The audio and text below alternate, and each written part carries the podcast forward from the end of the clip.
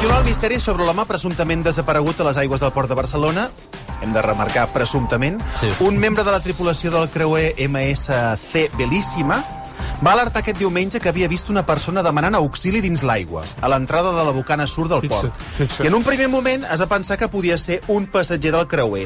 Salvament Marítim va activar la seva recerca, però la va suspendre davant la falta d'indicis que realment hi hagués cap persona desapareguda al mar. Eh, amb el Toni Muñoz, eh, periodista de successos i tribunals de l'avantguàrdia, n'estàvem parlant ara a micròfon tancat, perquè és un tema que jo he anat seguint tot el cap de setmana, mm. perquè ha tingut una, una evolució. La, les tasques es van suspendre. Eh, jo no he acabat d'entendre ben bé què és el que ha passat, si és que ha passat alguna cosa. Aquest, bueno, aquest és el gran misteri, saber si realment ha passat alguna cosa. A priori, no. No. A priori, no. És a dir... Doncs he eh, perdut molta estona de la meva vida, eh? Sí, no, no, aviam, la veritat és que notícies, és una eh, notícia que ens clar. ha tingut amb l'ai al cor durant tot el cap de I tant, setmana, i tant. des d'ahir a dos quarts de set del matí, que un tripulant d'aquest creuer, que estava entrant a Barcelona, va dir que havia vist una persona que havia caigut al mar. Sí. En un primer moment, doncs tothom va pensar que potser es tractava d'un passatger d'aquest creuer.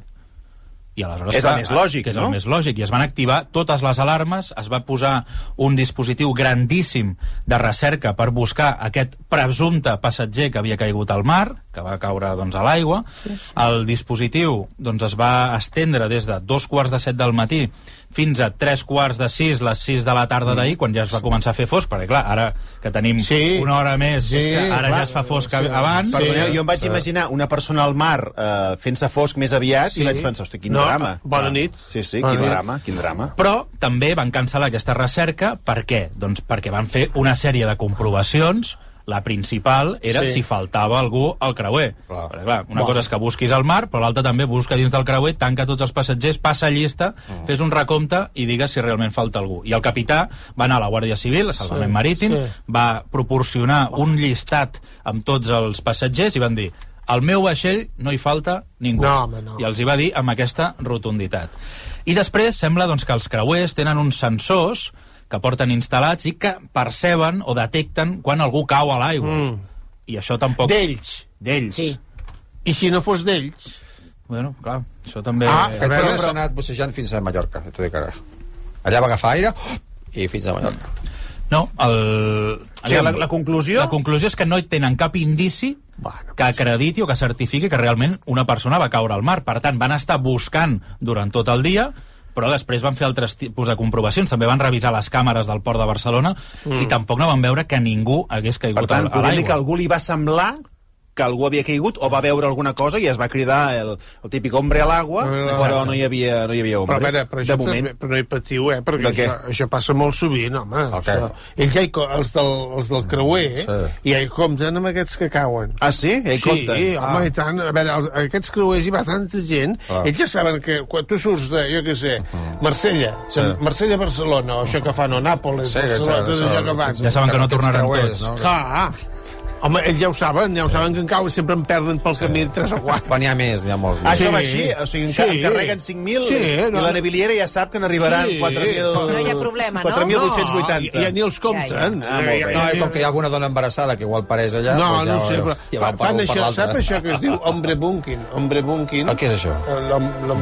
L'ombrunkin. No sé què és. Bueno, o sigui, que posen més gent de la que hi. Overbooking, Ah, overbooking. Això, Ah, això. cobren, ho cobren, la, Sí. ho cobren abans de- d'entrar, suposo. Clar, no? i la, la, gent- i la gent que a sobre, doncs, els, els hi cau allò a mig, a mig Com si, trajecte. fos, com si fos una pilota que cau a l'aigua. Sí, sí, allò... Bé, bé, pues, allà, escolta, allò és de la mar, allí se queda, Vinga, pues, adiós, ja Bueno. està. Si tu em diguessis Titanic, Costa Concòrdia, allò, allò sí que va ser un imprevist. Allò sí que dius... Sí, i tant- i tant que va ser- i dels grossos, eh? I gros. I dels i grossos, gros, sí. I gros, però ara, aquests que van caient per la borda... És una un, minoria, un, una minoria, a més a més. un, i escolta, perdoneu, sí. encara rai que només no fos un. Sí, o dos, Perquè o dos, normalment sí, sí. sempre són set o vuit els que es perden. Bueno, canviem d'història. Eh, Anem aquest cap de setmana al paral·lel. Parlem ara de la mort d'un jove de 19 anys que va ser punyalat a les portes de la discoteca Brisas del Caribe, Brisas del Caribe, a l'Avinguda Paral·lel de Barcelona. Què se'n sap ara mateix de- de- d'aquest cas i quins precedents hi havien de, de problemes en aquesta zona? Bé, estem Toni? parlant d'una discoteca que ja ha estat, diguéssim, en, el, bé, en els titulars de, de molts mitjans de comunicació al llarg dels anys, perquè sempre és una, bé, un, una zona d'oci una mica conflictiva, i no diem ja tant a l'interior de la discoteca, sinó als afores, on moltes vegades doncs, hi, ha, hi ha molèsties, i de fet molts veïns s'havien queixat doncs, que, en fi, d'aquesta discoteca o de de la- l'ambient que hi ha a l'exterior on s'hi produeixen baralles i també molt i molt de soroll. El que va passar aquest cap de setmana és que a les 6 de la matinada de dissabte a diumenge un noi de 19 anys va ser apunyalat i va, bé, va morir assassinat eh, d'una ganivetada que li van clavar al tòrax. Eh, sembla ser que en el marc d'una baralla Eh, avui eh, hem vist, hem rebut diversos vídeos de testimonis que, en fi, eh, també això pot ser una mica discutible si algú quan veu algun tipus d'aquest fet en comptes de trucar a la policia doncs es Ho posa grava gravar amb el mòbil, Sí, però això al final no deixa de ser una prova doncs, que es posarà sobre la taula de la policia i permetrà eh, esperem doncs, localitzar i identificar els autors d'aquests fets. Hem vist com era un grup molt nombrós doncs, que s'abraonava cap a aquest jove a qui agredien de forma molt violenta fins al punt doncs, que li van clavar una ganivetada, el deixaven estès a terra fins que finalment es va acabar desagnant i va acabar morint poc després a l'hospital. Els serveis d'emergència doncs, van arribar eh, als pocs minuts però no van poder fer res per salvar-li la vida i aquella mateixa nit, aproximadament a la mateixa hora, sobre les 6 de la matinada, va haver-hi un altre incident amb un altre noi apunyalat, que també estava en, en estat greu i que també va ser traslladat al, a l'hospital. En aquest cas, doncs, encara eh, en fi, no estem per la seva vida, però s'han registrat, diguéssim, dos apunyalaments a les portes d'aquesta discoteca, que Brises del Caribe es troba molt a prop, diguéssim, també de la sala Apolo, vull dir, més o menys perquè la gent s'ubiqui a l'Avinguda Paral·lel de Barcelona. Aquesta és una discoteca que en fi, com explicàvem, ja s'ha vist embolicada des de fa anys en, en alguns conflictes. Per exemple, a l'abril d'aquest any, després d'haver rebut moltíssimes queixes dels veïns, els Mossos d'Esquadra i la Guàrdia Urbana de Barcelona van desplegar un dispositiu molt ampli, fins a 150 agents van entrar en aquesta discoteca i van, en fi, van detenir a sis persones de les quals, bueno, pertinença de drogues i també per portar eh, dues armes blanques, que podien ser doncs, dues navalles o dos eh, ganivets. Per tant, estem parlant d'un lloc conflictiu que tot i això doncs, hem de dir que està afectat per un, per un pla de millora urbana i que en, pro, bé, en les pròximes dates doncs, serà enderrocada i allà en aquest indret doncs, s'acabarà construint una residència d'estudiants. El grup municipal de Junts per Catalunya a l'Ajuntament de Barcelona ha demanat aquest dilluns una reacció urgent del consistori per frenar els apunyalaments a la ciutat. Reclamen que s'incrementi la col·laboració entre la Guàrdia Urbana i els Mossos d'Esquadra, ara amb el Toni Muñoz n'hem comentat dos, els més recents, i que hi hagi més controls per detectar ganivets als espais d'oci nocturn i les grans concentracions. Qui també ha demanat més presència policial és fer que SARM, la patronal de l'oci nocturn, eh, i ara podem parlar amb Joaquim Boades, que és secretari general d'aquesta patronal. Senyor Boades, bona tarda. Hola, bona tarda. Què els ha portat a demanar més presència policial? Què han detectat que ha canviat? No, això ja fa anys que nosaltres ho demanem. Sempre hem demanat més presència policial i més seguretat a la via pública, perquè, com sabeu, en allà com a empresaris no tenim cap tipus d'autoritat i, per tant, doncs, nosaltres podem garantir la seguretat dins els locals, però a fora és molt complicat perquè moltes persones nosaltres no li permetem l'entrada perquè són gent violenta i per dret d'admissió ens veiem obligats a no deixar-los entrar, després a fora causen problemes i el que acaba passant és que injustament es vincula el fet que ha tingut lloc a fora al carrer per una persona que no és ni client del local, es vincula a un local, no? I per tant això és força, és molt injust, no? També. Ara mateix diuen que vostès se senten desprotegits? A veure, sempre ha passat, no? Jo crec que sembla, sembla mentida, però és que cada vegada que hi ha un incident davant d'una discoteca sembla que sigui més greu si passa en un altre lloc, no? Perquè pot passar davant d'un altre establiment i mai doncs, es, eh, se posa, diguéssim, el nom del local o mai es diu que s'ha ha passat davant d'una discoteca i tal, però quan passa davant d'un local d'oci nocturn sembla que sigui el fet més greu. I aquesta gent violenta, que, doncs, que malauradament ens les trobem a vegades en els locals d'oci nocturn, aquesta gent violenta, perquè el violent i el, el problemàtic és aquella persona, aquesta persona una vegada està en un estadi de futbol, una vegada està en un altre establiment i per tant és aquesta persona la, realment la conflictiva i la problemàtica. Jo el que sempre dic és que cal eh, portar a terme campanyes de conscienciació punyents. Nosaltres hem demanat en el Departament de Justícia, en el Departament d'Interior, portar a terme campanyes punyents, en aquest sentit, doncs, utilitzant el testimoni de persones que han sigut condemnades a presó per haver comès aquest tipus d'actes, perquè nosaltres hem sigut acusació popular en 23 casos des de l'any 2006. Uh, I en aquest uh, aspecte hem pogut, pogut detectar que sempre aquella persona condemnada, a l'última paraula sempre demanava perdó a la víctima i que si pogués tirar enrere el temps no ho tornaria a fer, però aquest testimoni s'ha d'aprofitar en positiu. El que hem de fer veure en aquesta gent que surt amb armes blanques de casa, perquè si no, en una baralla no sortiria una arma blanca i per tant hi hauria molta menys possibilitat de matar algú, doncs si no hi hagués aquesta arma blanca i la gent la deixés a casa, possiblement els fets no acabarien en tragèdia com acaben, no? I per tant el que cal és conscienciar la gent de que si surten armats i cometen aquests actes aniran a la presó. 15 anys, i això jo crec que ha de ser un element per poder-los fer pensar dues vegades abans d'actuar. Vostès eh, fan eh, algun tipus d'inspecció a les entrades de les discoteques per evitar aquestes armes blanques? Nosaltres el que estem és promovent un distintiu internacional de seguretat que inclou, doncs, per exemple, doncs, mesures eh, complementàries a les que s'exigeixen ja per llei, com ara, per exemple, doncs, demanem el tema del detector de metalls i altres elements doncs, que càmeres de videovigilància, que fan doncs, que sigui menys probable que hi hagi un incident. Ara, el que els hi dic jo i els hi puc assegurar és que la mesura eh, dissuasòria més important que existeix és la presència policial. Ja siguin vehicles policials amb unitats mòbils passant cada X temps per davant dels locals o durant el, el desallotjament, que és el moment on hi ha més afluència de públic en la via pública, eh, de forma estàtica en allà quan hi ha el desallotjament. Som conscients de que hi ha moltes conti contingències a protegir, que no hi ha eh, possibilitat de que hi hagi efectius per només cobrir els establiments d'oci nocturn, però sí que creiem que és important que en aquests moments i en coordinació amb els empresaris doncs pugui haver-hi una mica més de presència policial perquè això al final fa que moltes persones d'aquestes tan valentes quan no hi ha la policia no ho són tant quan veuen doncs, que hi ha un vehicle policial a prop. No? Per tant, vostès demanarien que hi haguessin més patrulles al voltant de moments clau a eh, determinades eh, discoteques. Sí, en aquest aspecte, aquestes unitats mòbils que puguin anar passant, perquè evidentment, com he dit, ja segurament hi ha altres contingències a, a cobrir, perquè evidentment de gent violenta i delinqüents n'hi ha per tot arreu, no només a la, a la vora de les discoteques, i també patrulles estàtiques en el moment de desallotjar, perquè és el moment doncs, que tothom surt, perquè cal tenir en compte que si bé hi ha a vegades 20, 30, 40 persones a fora al carrer eh, provocant molèsties, heu de pensar que també n'hi ha 1.000 o 2.000 a dins que estan controlades. Però quan aquesta gent els has de, diguéssim, de, de, bueno, que s'ha de desallotjar el local, doncs, evidentment, aquestes 20 o 30 que són gent violenta, que possiblement no ha pogut entrar o que l'has fet fora, es troben amb aquestes 1.000 que surten i després és quan també doncs, tenen lloc un increment dels actes il·lícits, com ara, per exemple, doncs, atracaments o altres, altres actes eh, il·legals, no? I en aquest aspecte, doncs, atentats contra la integritat física, atentats contra la llibertat sexual, i per això també estem treballant amb Mossos d'Esquadra, amb el pla d'acció per, evi per, per evitar eh, violències sexuals, amb generació i creació d'itineraris doncs, segurs, el tema de millorar l'enllumenat públic en la via pública. Tot això jo crec que són mesures que contribueixen a una major seguretat. Vostè em deia que, clar, que això passa fora i que llavors se'ls culpabilitza vostè, però ara estàvem parlant concretament d'un cas de Brises del Caribe que comentàvem que és una discoteca que hi havia estat escenari de diverses baralles en els darrers anys eh, i que, a més a més, hi havia hagut moltes queixes veïnals. Per tant, entenc que vostès també tenen una part de responsabilitat.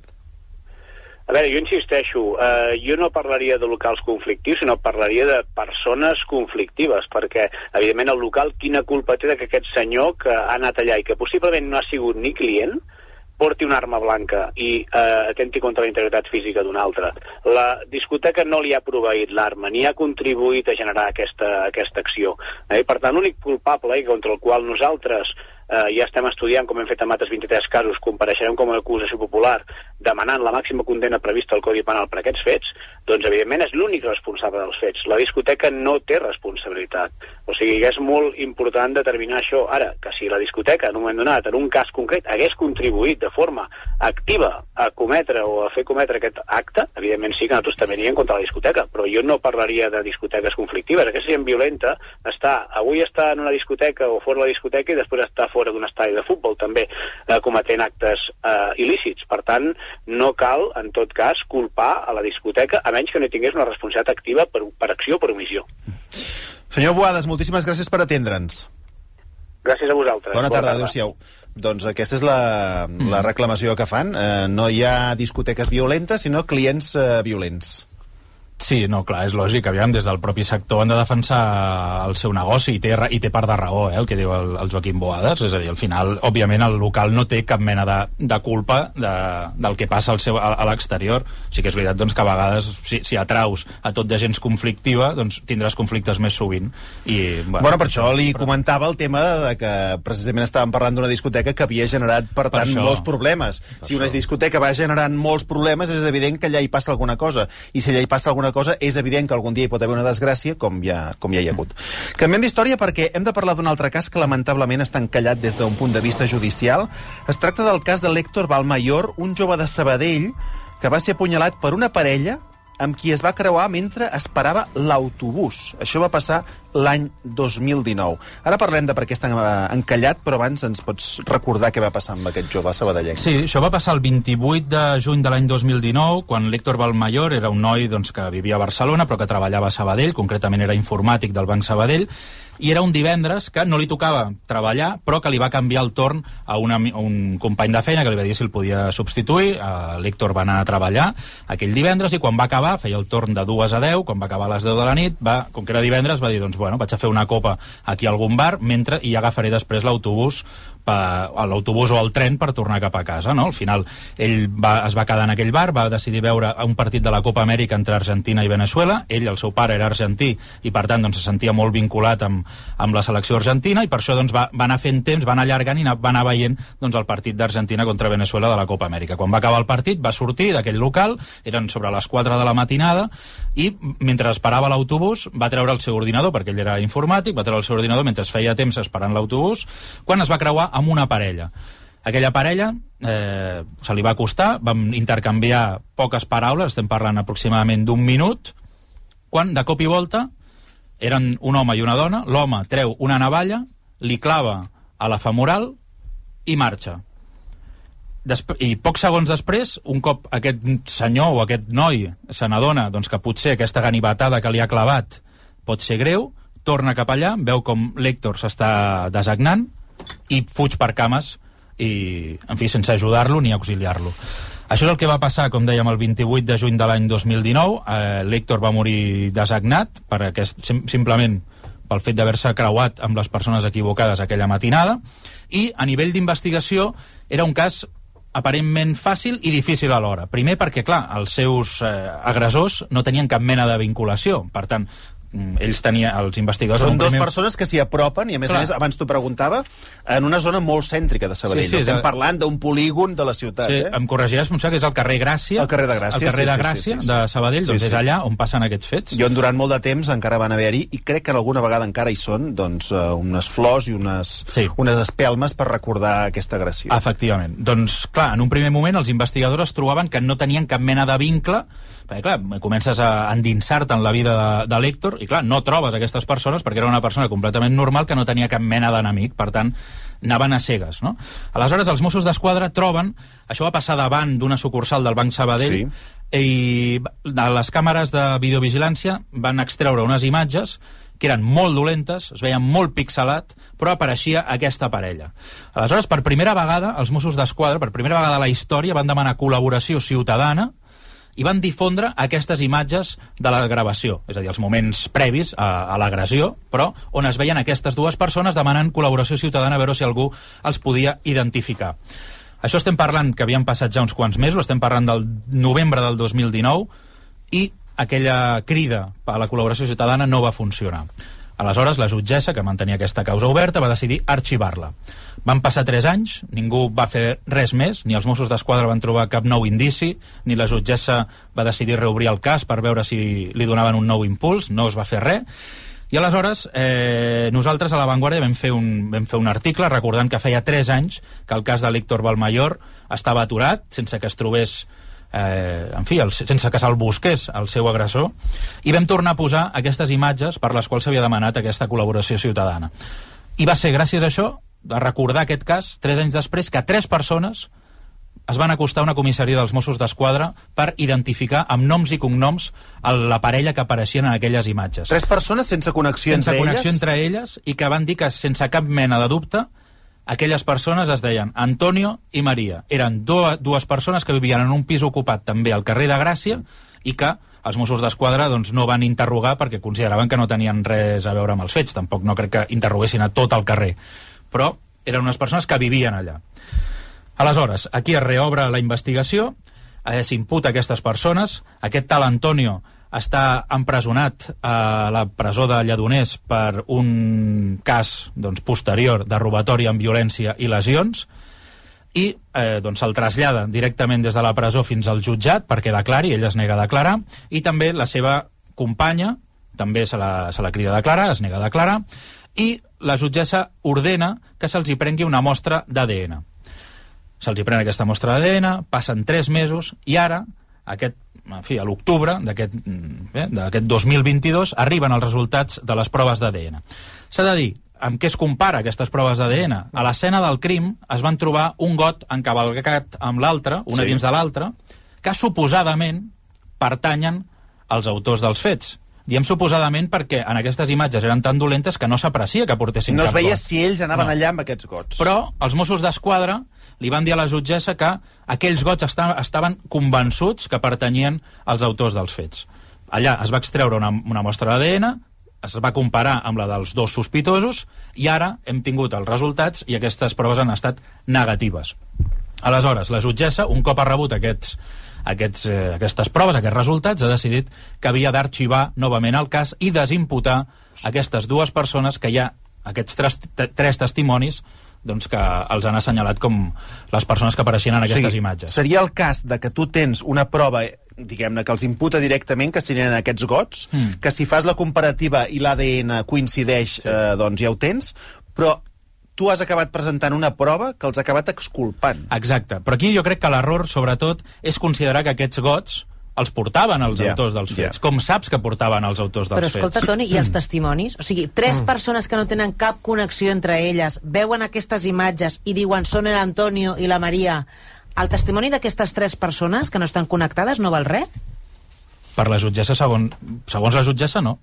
No és una prova prou fiable. Exacte. Això és el que consideren. Clar, jo el que em pregunto és això, és a dir, com saben que aquells gots que van trobar allà al costat eren dels dos Clar. autors dels fets si a les imatges no es veu? És a dir, si aquesta, aquests gots, la, la mostra d'ADN hagués estat positiva i hagués coincidit, seria una prova de càrrec importantíssima perquè el situa allà, Clar. no?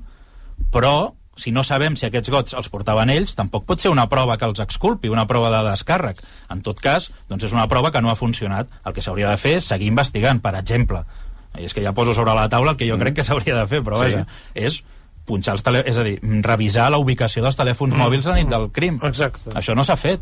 I per què no s'ha fet? Bueno, doncs no ho sé, perquè, no ho sé perquè no s'ha fet, de veritat. Però i això com a advocat... És que, és que, clar, No, no, és que és un cas que només genera preguntes, eh? Només I- genera preguntes. I l'advocat no pot exigir, això? Com a Clar. advocat tu no pots dir, escolti, vull que revisin la ubicació Ara, dels telèfons un mòbils. cop s'ha arxivat aquesta, aquesta investigació, l'advocat de la família ha reclamat doncs, que es reobri i que es facin aquestes proves. Perquè, i, I també considerar que els gots potser no estaven directament relacionats amb els autors dels fets. Potser eren uns gots que algú havia deixat allà. És molt probable. I sent la zona que és, és molt probable que era una parada d'autobús, la gent, doncs, jo què sé, de festa a la nit i Clar. deixa un parell de gots. Doncs és això, És un tema que, efectivament, a, a Sabadell va causar un gran impacte i continua causant-lo després del que ens ha explicat el, el Toni, perquè, vaja, jo crec que eh, la gent que ho va anar seguint de la ciutat donava pràcticament per fet que després de les identificacions Clar. doncs el cas acabaria molt aviat. Clar, i sobretot estem parlant, clar, és que és un, és un crim completament gratuït, Mm. gairebé sense intercanviar cap mena de paraula. Sembla ser doncs, que els Mossos en un primer moment pensaven que potser eh, aquelles dues persones es van acostar per robar-li l'ordinador, però és que li claven la ganivetada i no s'emporten l'ordinador. Per tant, és una ganivetada completament gratuïta i que, en fi, va va commocionar moltíssim i a sobre doncs, portem 3 anys sense que a- aquest crim doncs, es resolgui ni la jutgessa vulgui impulsar-lo fins a les últimes conseqüències per treure'n l'entrellat. No? Per desgràcia, més preguntes que, que respostes. Toni Muñoz, moltíssimes gràcies. A vosaltres. Les 5 i 5 minuts.